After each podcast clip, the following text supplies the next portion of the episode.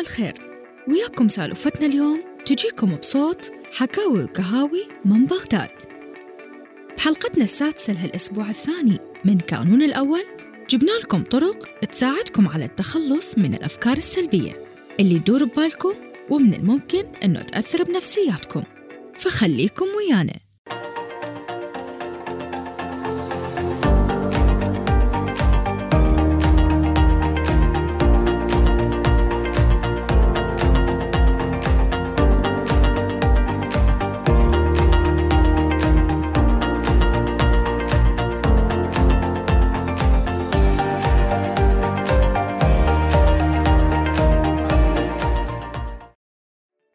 الكاتب جيرلارد سينكلير أنه الأفكار السلبية تعتبر جزء من واقعنا اليومي لكن يجب أنه ما نخليها تسيطر على تفكيرنا وتعكر صفو حياتنا لكن ليش؟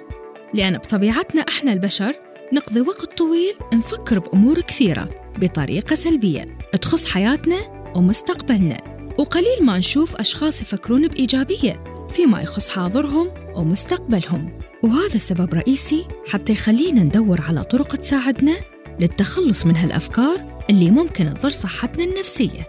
وهسه رح ندخل سوا بصلب الموضوع ونتطرق إلى بعض النقاط اللي ممكن تساعدنا أنه نتخلص من هالأفكار السلبية. حلقتنا تجيكم بصوت صديقنا محمد عامر من برلين.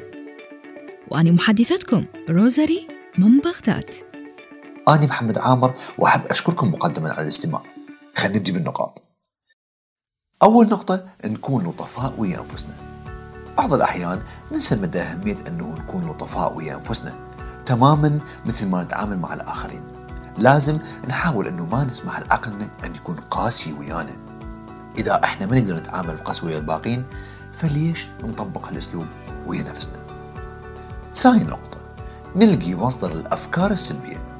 لازم نحدد المصدر اللي تنبع من الأفكار السلبية ونحاول معالجة المسألة من جذورها. وما نسمح لأي شخص آخر أن يكون هو مصدر هذه الأفكار. وإذا كان أكو أحد بحياتنا دي يأثر علينا بصورة سلبية فنحاول أن نتركه أو على الأقل نبتعد عنه. ونعيد تقييم الأمور بنفسنا من غيره. ثالث نقطة نسولف ويا اللي يهتم لأمرنا. إذا كنا حزينين أو مزعوجين من شي شغلة فنحاول بذاك الوقت أن نسولف ويا شخص يهتم لأمرنا. لأن هالشخص يحبنا ويريد لنا الخير من صدق. وأكيد حيحاول أن يقدم لنا النصيحة ويساعدنا بالتغلب على الأوضاع الصعبة اللي نمر بيها أو نواجهها بيومنا. النقطة الرابعة نتخلص من اللي يحسسونا بالسوء اتجاه نفسنا. لازم بحياتنا نستخدم نظام معين واللي هو يخص الأشخاص السلبيين اللي بحياتنا. ما نبقى متواجدين بمكان يكونون به هذول الأشخاص اللي يقللون من قيمتنا ويحطون من معنوياتنا ويرسون صورة إنه إحنا فاشلين ومو جديرين بعمل أي شيء. هيج أشخاص إذا ما تغيروا فنسوي لهم bye bye وما يستحقون يبقون بحياتنا. أما النقطة الخامسة وهي شوية صعبة إذا هي صعبة خلينا نقبل التحدي. النقطة الخامسة إنه نحاول نتعلم نقول كلمة لا قدر الإمكان والتفكير بمصلحة نفسنا قبل مصلحة الآخرين. وطبعا أكيد شوية شوية نترك المجاملات لأنه راح تكون على حساب أفكارنا ومبادئنا في بعض الأحيان وحتى نفسيتنا. وبالأخير ما حد يستاهل نضحي على موده إلا نفسنا. سادس نقطة ما نسمح للآخرين بالتعدي علينا. لأن بالتأكيد مو من حق أي شخص يتنمر علينا أو يسمعنا كلام محلو ولازم نحاول نوقفهم عند حدهم. ولا نسمح لأحد يتعدى على كرامتنا لأن بس إحنا اللي متحكمين بمصيرنا مو أي شخص ثاني. سابعا وآخر نقطة نستمع إلى الموسيقى اللي تعدل مزاجنا. للي ما يعرف أو ما تعرف الموسيقى هي من أكثر الأمور المؤثرة بحياتنا والمقصود بها من الناحية النفسية.